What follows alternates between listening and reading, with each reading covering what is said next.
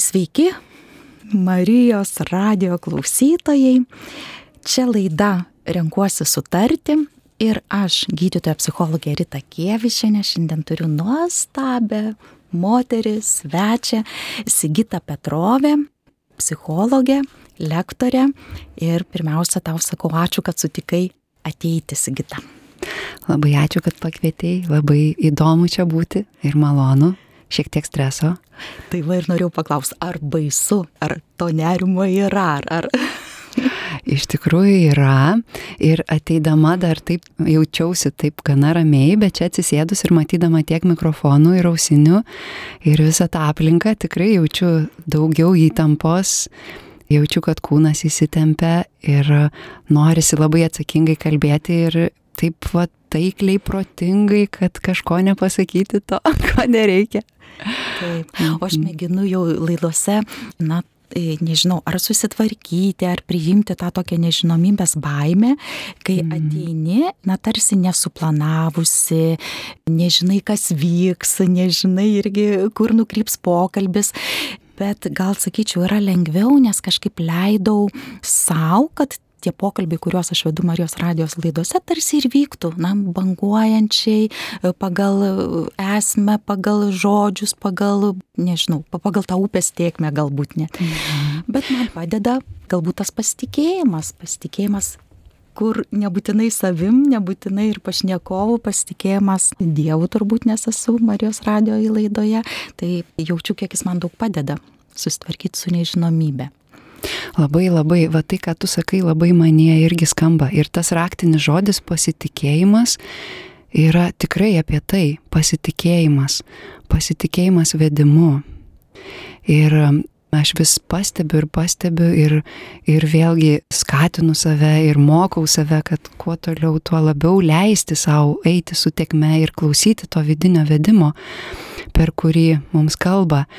Ir kartu pastebiu, kiek va, tas mūsų žmogiškas protas, jis nori viską sukontroliuoti, viską suvaldyti. Ir tarsi tokia turi pretenziją, kad va, aš tai žinau, kaip čia turi būti, aš padarysiu, aš viską geriausiai žinau ir na tada tokios puikybės net įsimeta, tokio sureikšminimo savęs. Ir va tada, kada drįstu pasitikėti, leidžiu savo pasitikėti, va tada pradeda vykti nenumatyti dalykai, kartais net tokie stebuklai. Galbūt stebuklai ar ne, kad ir sutikimas mūsų abiejų, nors mes sutikom konferencijoje praeitą savaitgalį, bet tiesiog žinojau, kad aš pašnekovą esu įsipareigojusi rasti ir žinojau, kad jį rasiu, tai va čia galbūt tas sutikimas aš net ir iki vardinčiau kaip stebuklo, aišku, pastangos Stebuklas galbūt yra tai, kad kai tu įdedi pastangas, tai yra viena, bet kai įdedi pastangas ir kažką gauni daugiau, tai galbūt čia ir yra stebuklas. Bet mes dažnai, vad, kai tu paminėjai tą protą, ar ne, kad mes dažnai, vad, tam gyvenimo kasdienybėje nepastebim, nepastebim. Mm. Ir, ir va, tai iš prisiminiau rytą šiandieną, nors iki mano kabineto, iki ofiso yra septynios kelios nuo namų, bet kiek daug džiuginančių dalykų randu lapus, kaimynų gyvūnas, šuo didžiulis, kurį kalbinu vis, arba pačius kaimynus, kažkoks ar žydintis augalas, buvo kiek tų džiuginančių ir tai nežinau, gal irgi stebuklas, bet, bet mes nepastebim ar ne per savo tos kasdieninius. Labai.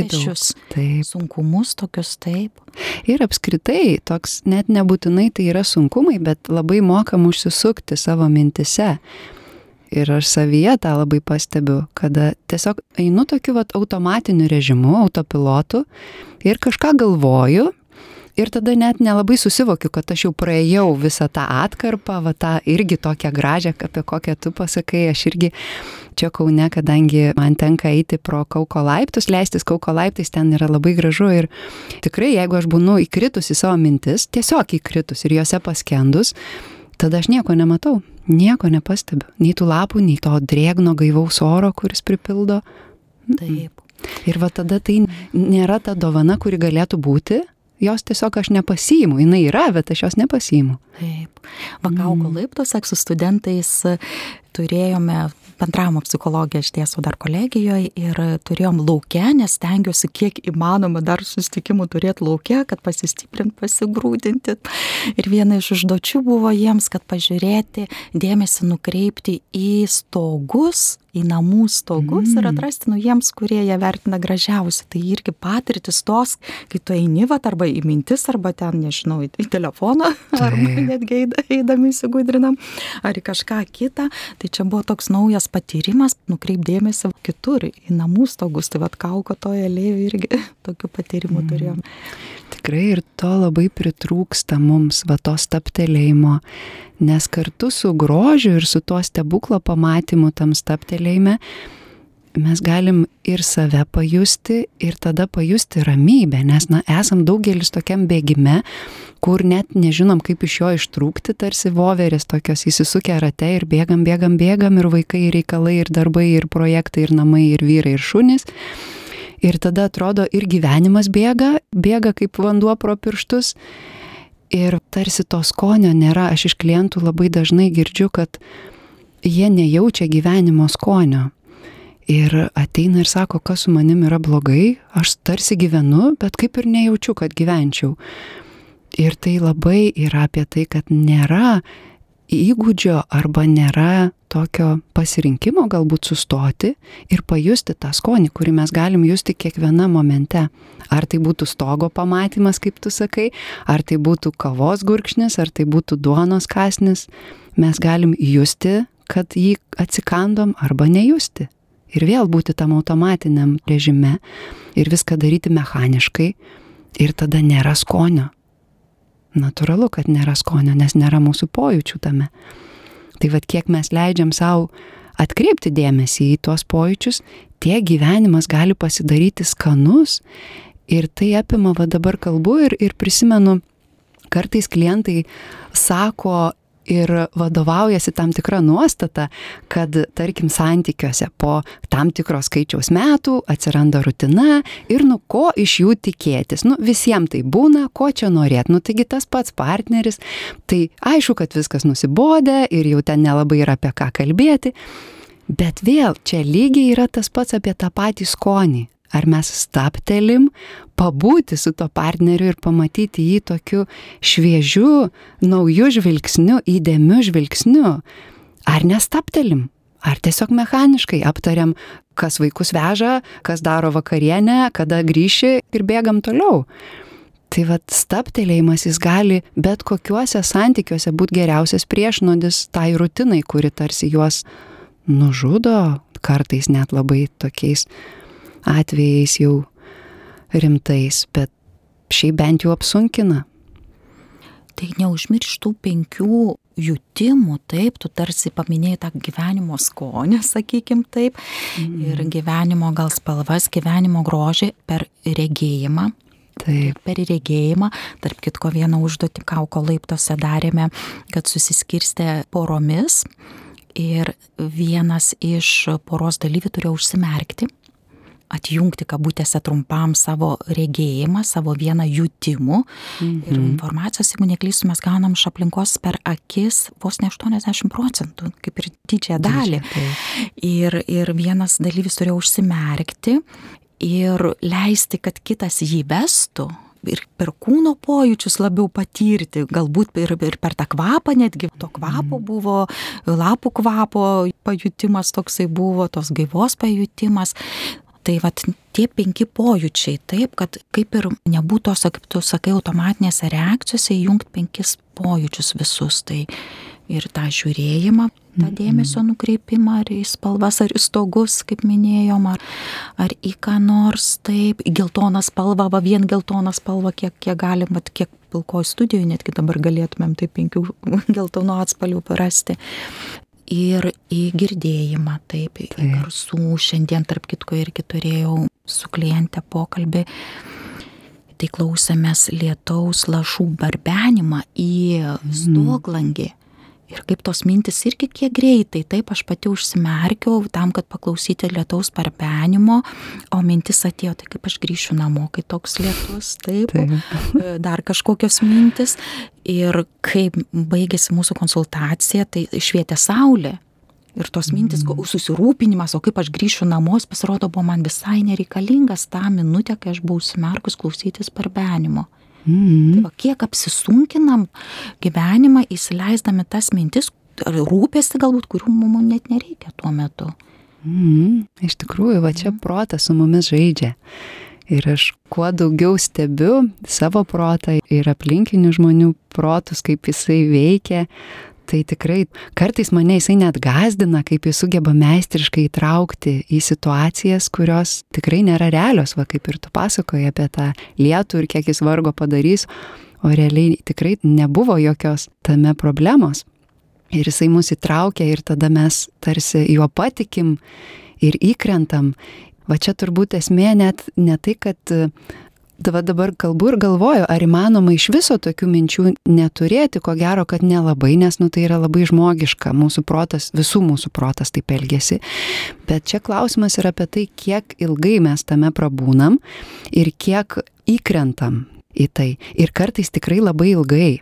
Kartais galim sukti panašias mintis visą dieną arba net ir kelias dienas, ypač jeigu laukia kažkoks tai įvykis ir mes jau pradame apie jį kurti filmuką ir savo demonstruoti tą filmuką ir net ne po vieną kartą ir ten su visokiom detalėm ir aišku, tas filmukas nėra komedija, jis dažniausiai yra drama arba trileris arba net ir siaubekai kažkam pavyksta. Tai, tai iš tikrųjų pastebėti, kada taip atsitinka, turbūt va čia mūsų ribose, mūsų galimybių ribose pastebėti, kada mes jau į tai įkrentam ir vėl sugrįžti prie tų penkių pojūčių, nes jie yra, na, pagrindas arba toks inkaras, į ką galima atsiremti, nes kai mes jaučiam savo pojūtį, tai mes nesam kartu su protu ateityje arba nesam kažkur praeityje, jau mes nebe prognozuojam, nebe kažko tai spėliojam, o mes esam realiai, mes jaučiam tai, kas dabar vyksta.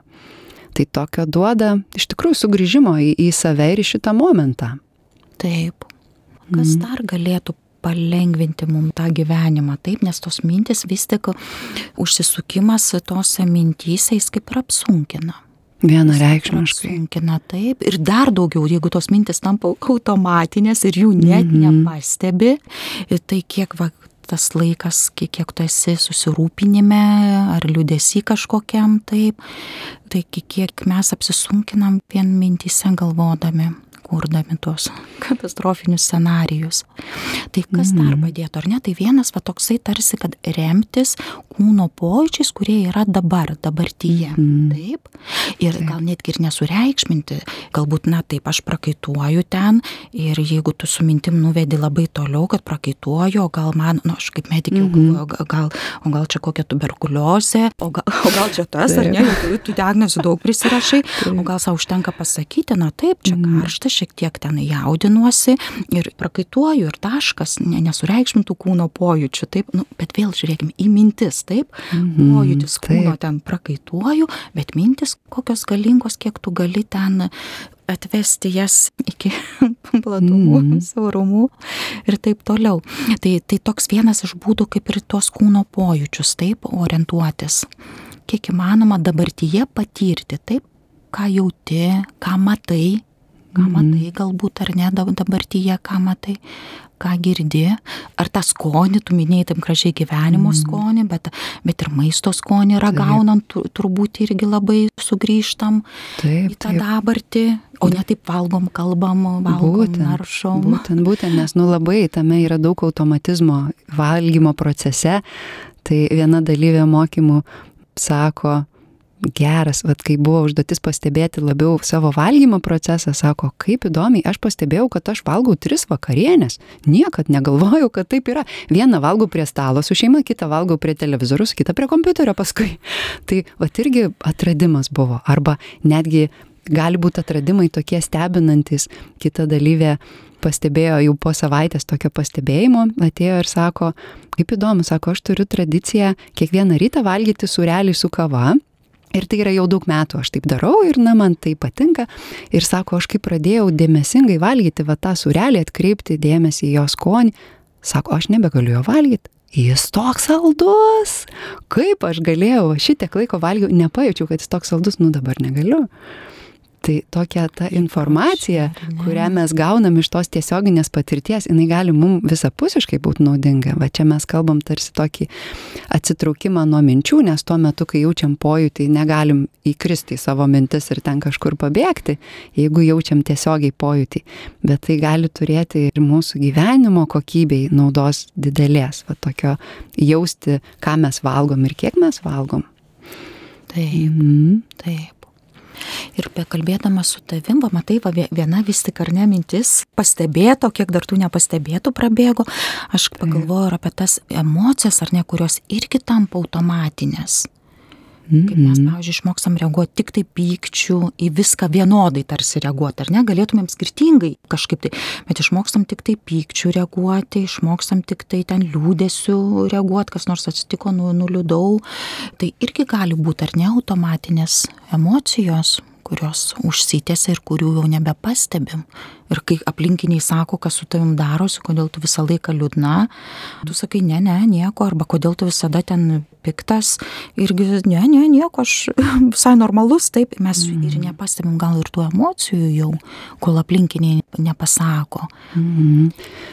Taip, ir, ir mokam nepastebėti, ir kas dar yra, ką aš irgi girdžiu labai dažnai žmonių, kad kai emocija yra nemaloni, mes nenorim jos pastebėti ir mes nenorim su ją turėti nieko bendro, bandom ją kažkaip iš savęs išmesti ar kažkaip užgneušti ar ignoruoti, apsimesti, kad gal jos ir tikrai nėra.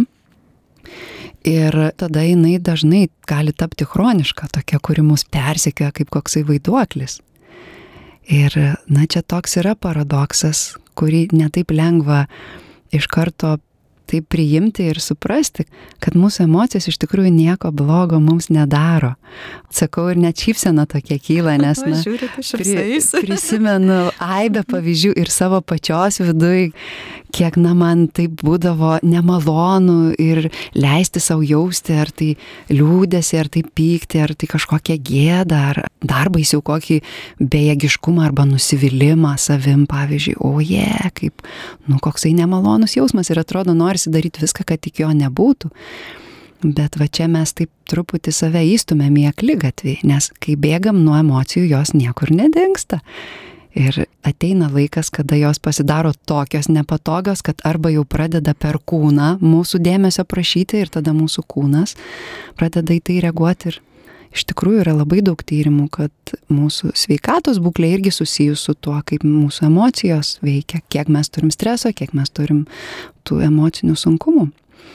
Tai bėgdami, nenorėdami, mes labai irgi savai tokius pastus įstumėm kad jos gali kartais ir užsifiksuoti mumise. Bet vėl, jos užsifiksuoja ne tam, kad mus kankintų arba ne tam, kad mus ten kažkokius tai darytų blogus darbus mūsų vidui, bet tam, kad mes jas pagaliau pamatytume ir išgirstume.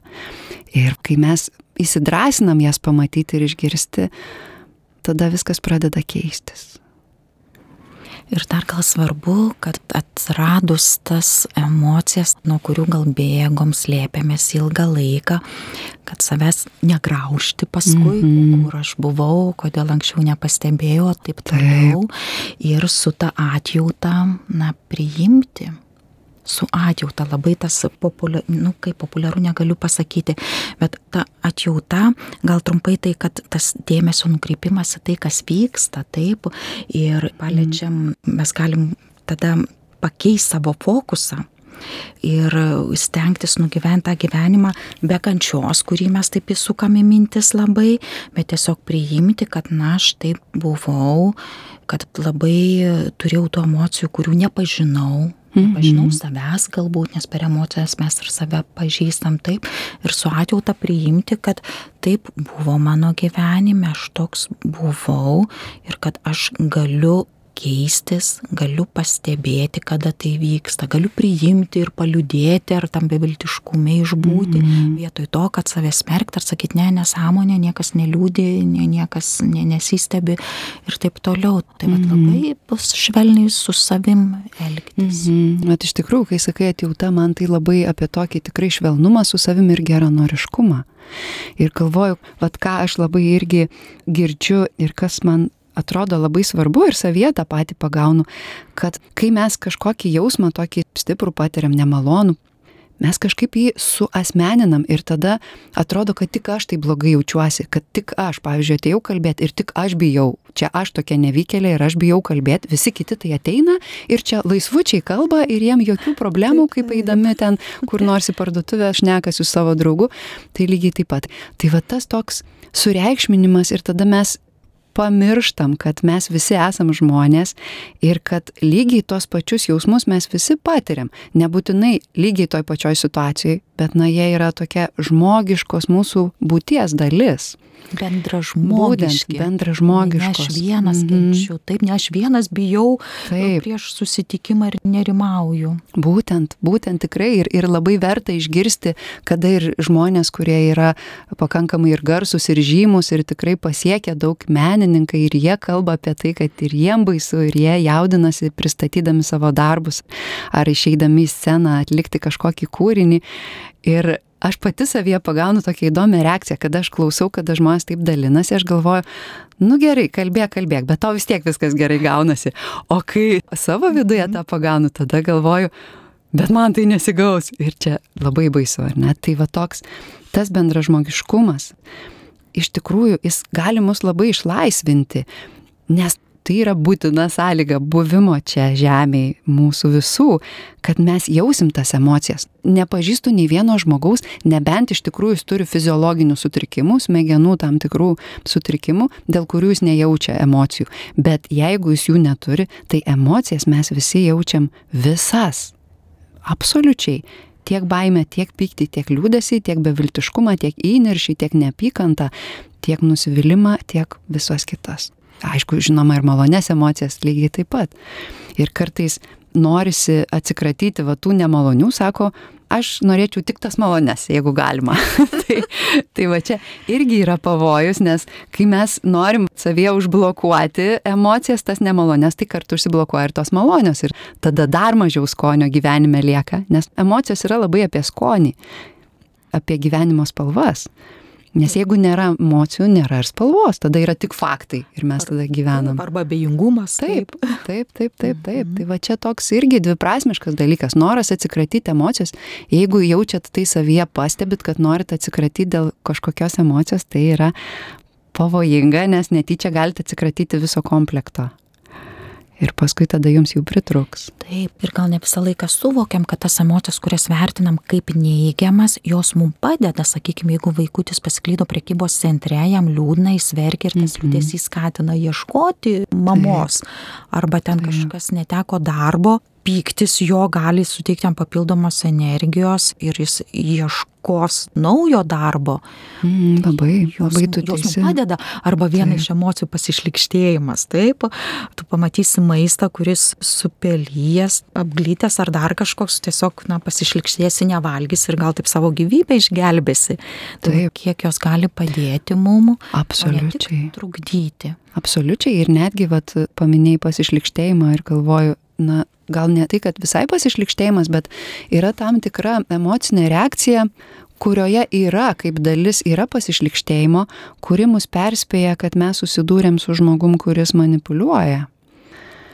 Tai yra labai tokia vidinė reakcija ir jinai net yra, aš sakyčiau, svarbesnė negu kad žinoti, kaip elgesi žmonės, kurie manipuliuoja arba kokios yra savybės žmogaus, kuris manipuliuoja. Mes turim daug geresnę atpažinimo sistemą ir daug greitesnę. Jeigu mūsų vidus sako, kad man kažkaip bloga, negera su to žmogum, reiškia, kad kažkas vyksta nešvariai.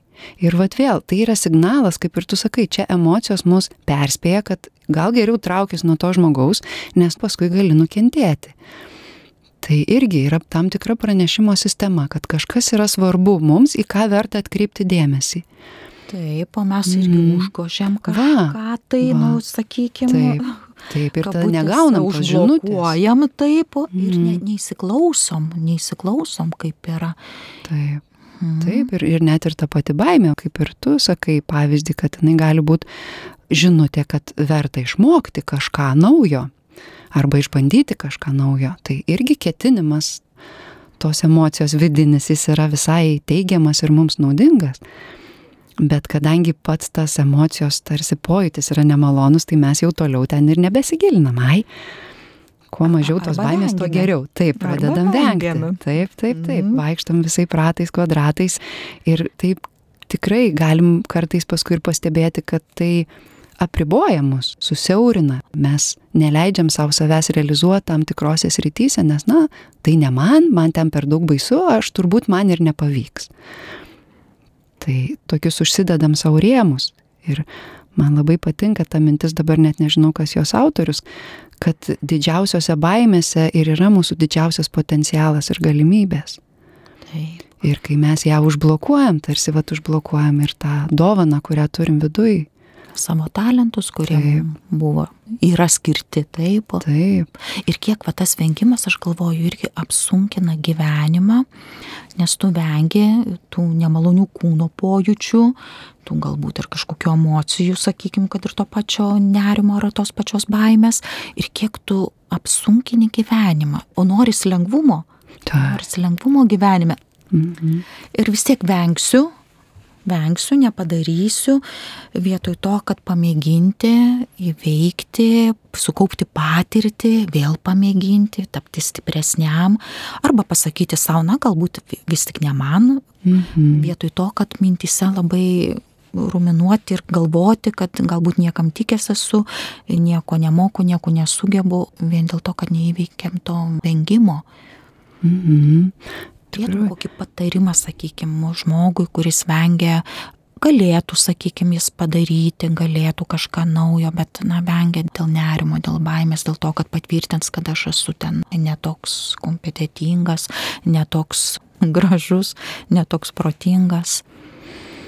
Hmm, nu taip, žinai, stebuklingos tokios piliulės gerai būtų, kad turėti, bet, nu net ir nesinori sakyti, ten išgerkit tokių miltelių ir, Taip, kavos ir, jūsų, taip, Mhm. ir jūsų nerimo nebeliks. Tai mano pagrindinė žinutė šiam momentui, kuri kyla, tai yra tiesiog nebijoti nerimo. Nebijoti nerimo ir net e, galima pasimti jį už rankos ir eiti į tą situaciją kartu su savo nerimu.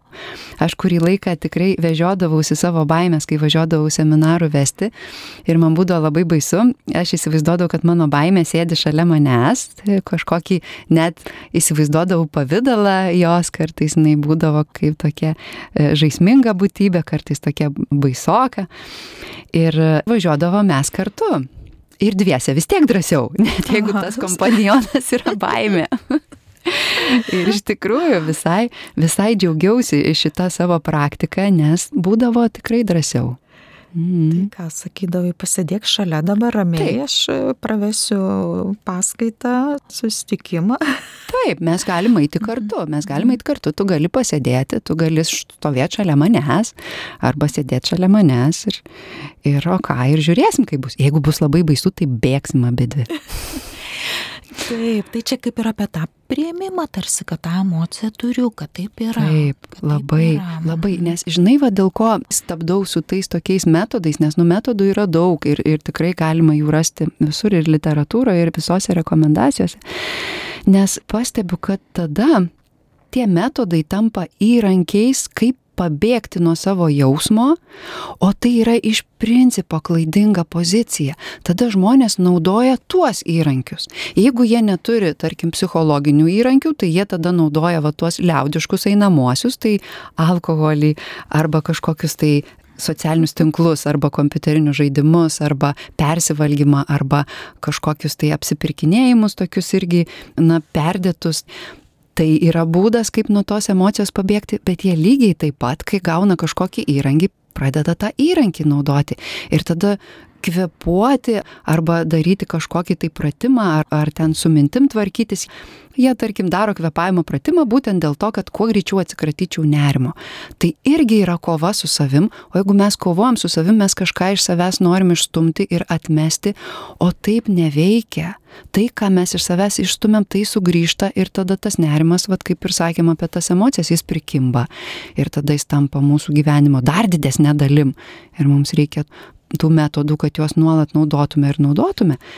Bet kai mes kaip tik tai nenaudojam tų metodų, kad atsikratytume, bet kad kaip tik tai dar labiau susipažintume su savo nerimu ir išmoktume jo nebijoti, tai tada viskas iš pagrindų kitaip tada galima ir taikyti tas praktikas ir kvepuoti ir tvarkyti savo mintis ir aibę kitų dalykų ir galų gale pritupimus daryti, bet tai daryti su tokia šypsena ir ne tam, kad pabėg nuo nerimo, bet tam, kad tiesiog savo padėti. Va čia yra skirtingas požiūris. Ar mes norim pabėgti nuo kažko ir su kažkuo savyje sukovoti ir nukauti, ar mes norim susidraugauti su savim ir savo padėti šitoj vietoj. Tai va čia yra skirtinga. Taip. Mhm. Kaip įdomu, su tavim laikas bėga tokiu greičiu, tokiu. Rimtai bėga. Aš primenu taip, primenu, kad dabar laida yra renkuosi sutarti ir aš kalbinu Sigitą Petrovę, psichologę ir lektorę.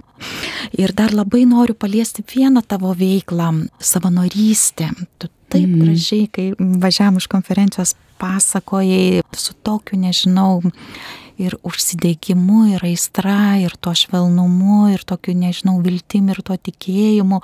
Ar gali pasidalinti savo savanorystę, kaip tu atėjai galbūt, ar, ar kaip turbūt. Mm. Trumpai. Na, toks ateimas mano buvo visai netikėtas. Aš kurį laiką taip dairiausi veiklos, kur galėčiau savanoriauti, bet aktyviai neieškojau ir taip pastangų į tai nedėjau. Ir Ir e, kvietimas atėjo per mano draugę, kuri yra vienuolė ir visiškai netikėtai išgirdo tokį kvietimą, prašymą iš rekolekcijų organizatorių.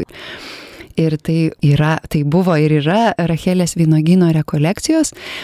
Ir e, tokiu kvietimu man pačiai netikėtų, aš tapau dalim komandos ir dabar irgi savanoriauju jų tarpe. Ir tai yra rekolekcijos, kurios yra skirtos tėvams, kurie yra susidūrę su vaikelio netektim, dažnai dėl abortų, tai gali būti ir persileidimas, ta priežastis, ar gali būti netektis dėl mirties, arba dalis dalyvių ateina norėdami tokio savo vidinio vaiko, tarsi šiek tiek pagydimo. Tai tokia iš vienos pusės ir labai sudėtingos ir sunkios, temos ir, ir tie klausimai ir iš tikrųjų krūvio turinčios rekolekcijos, bet kartu jos turinčios labai daug šviesos. Ir va tai turbūt yra tokia pati stipriausia žinutė.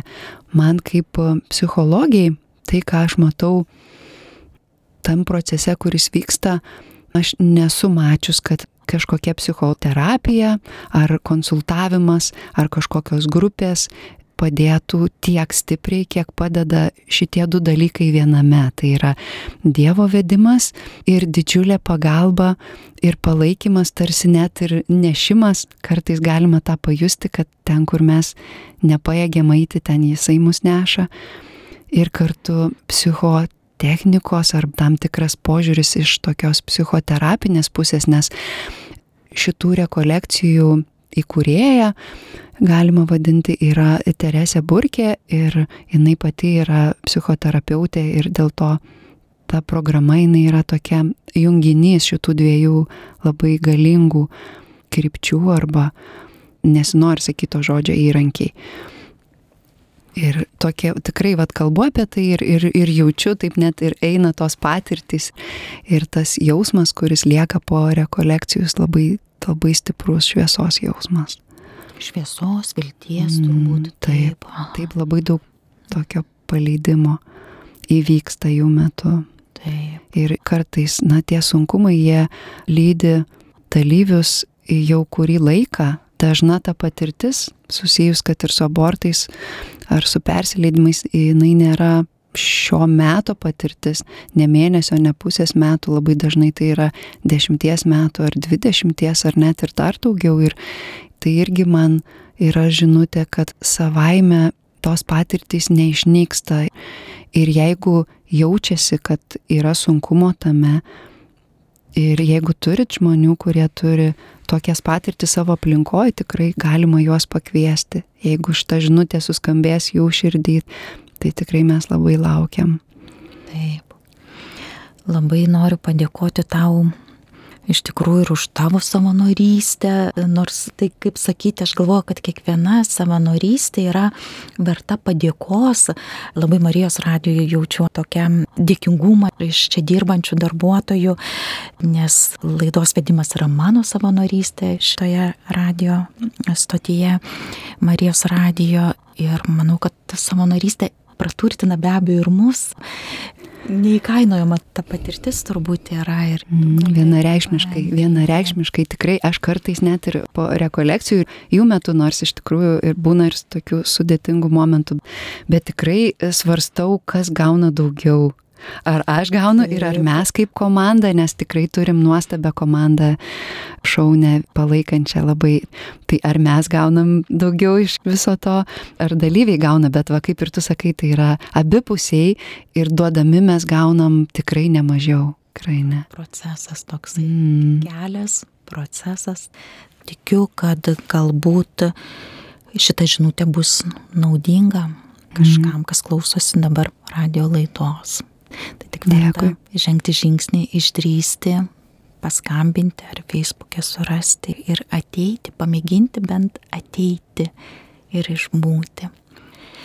Sigita, aš tau labai dėkoju aš net negaliu patikėti, kad jau tos 40 minučių, gal net ir daugiau praėjo. Taip. Nuostaba tavo, matau, veidė, tavo mhm. kūno sufleruoja, kad esi labai nustebusi. Ar turi ką nors dar pasakyti, ar pridurti, ar apibendrinti? Mhm. Tikrai esu nustebus, nes negalvojau, kad jau tiek praėjo. Tai dabartinis noras mano vidui ir iš to, ką mes kalbėjom, yra labai apie prieimimą, palinkėti norėčiau mums visiems, savo tame tarpe, kad mes iš tikrųjų nebijotume savęs ir nebijotume tų emocijų, kurios mumise vyksta. Ir kada mažiau bijosim, tai tada ir to lengvumo bus daugiau, ir to paprastumo gyvenime, ir to skonio. Tai va to labai visiems linkiu. Dėkui labai. Taip, tai ačiū labai. Čia buvo laida Renkuosi sutarti. Aš Rita Kievišinė, gydytoja ir psichologė, kalbinau Sigita Petrovė, lektorė, psichologė. Tai gerų jums dienų. Gerų.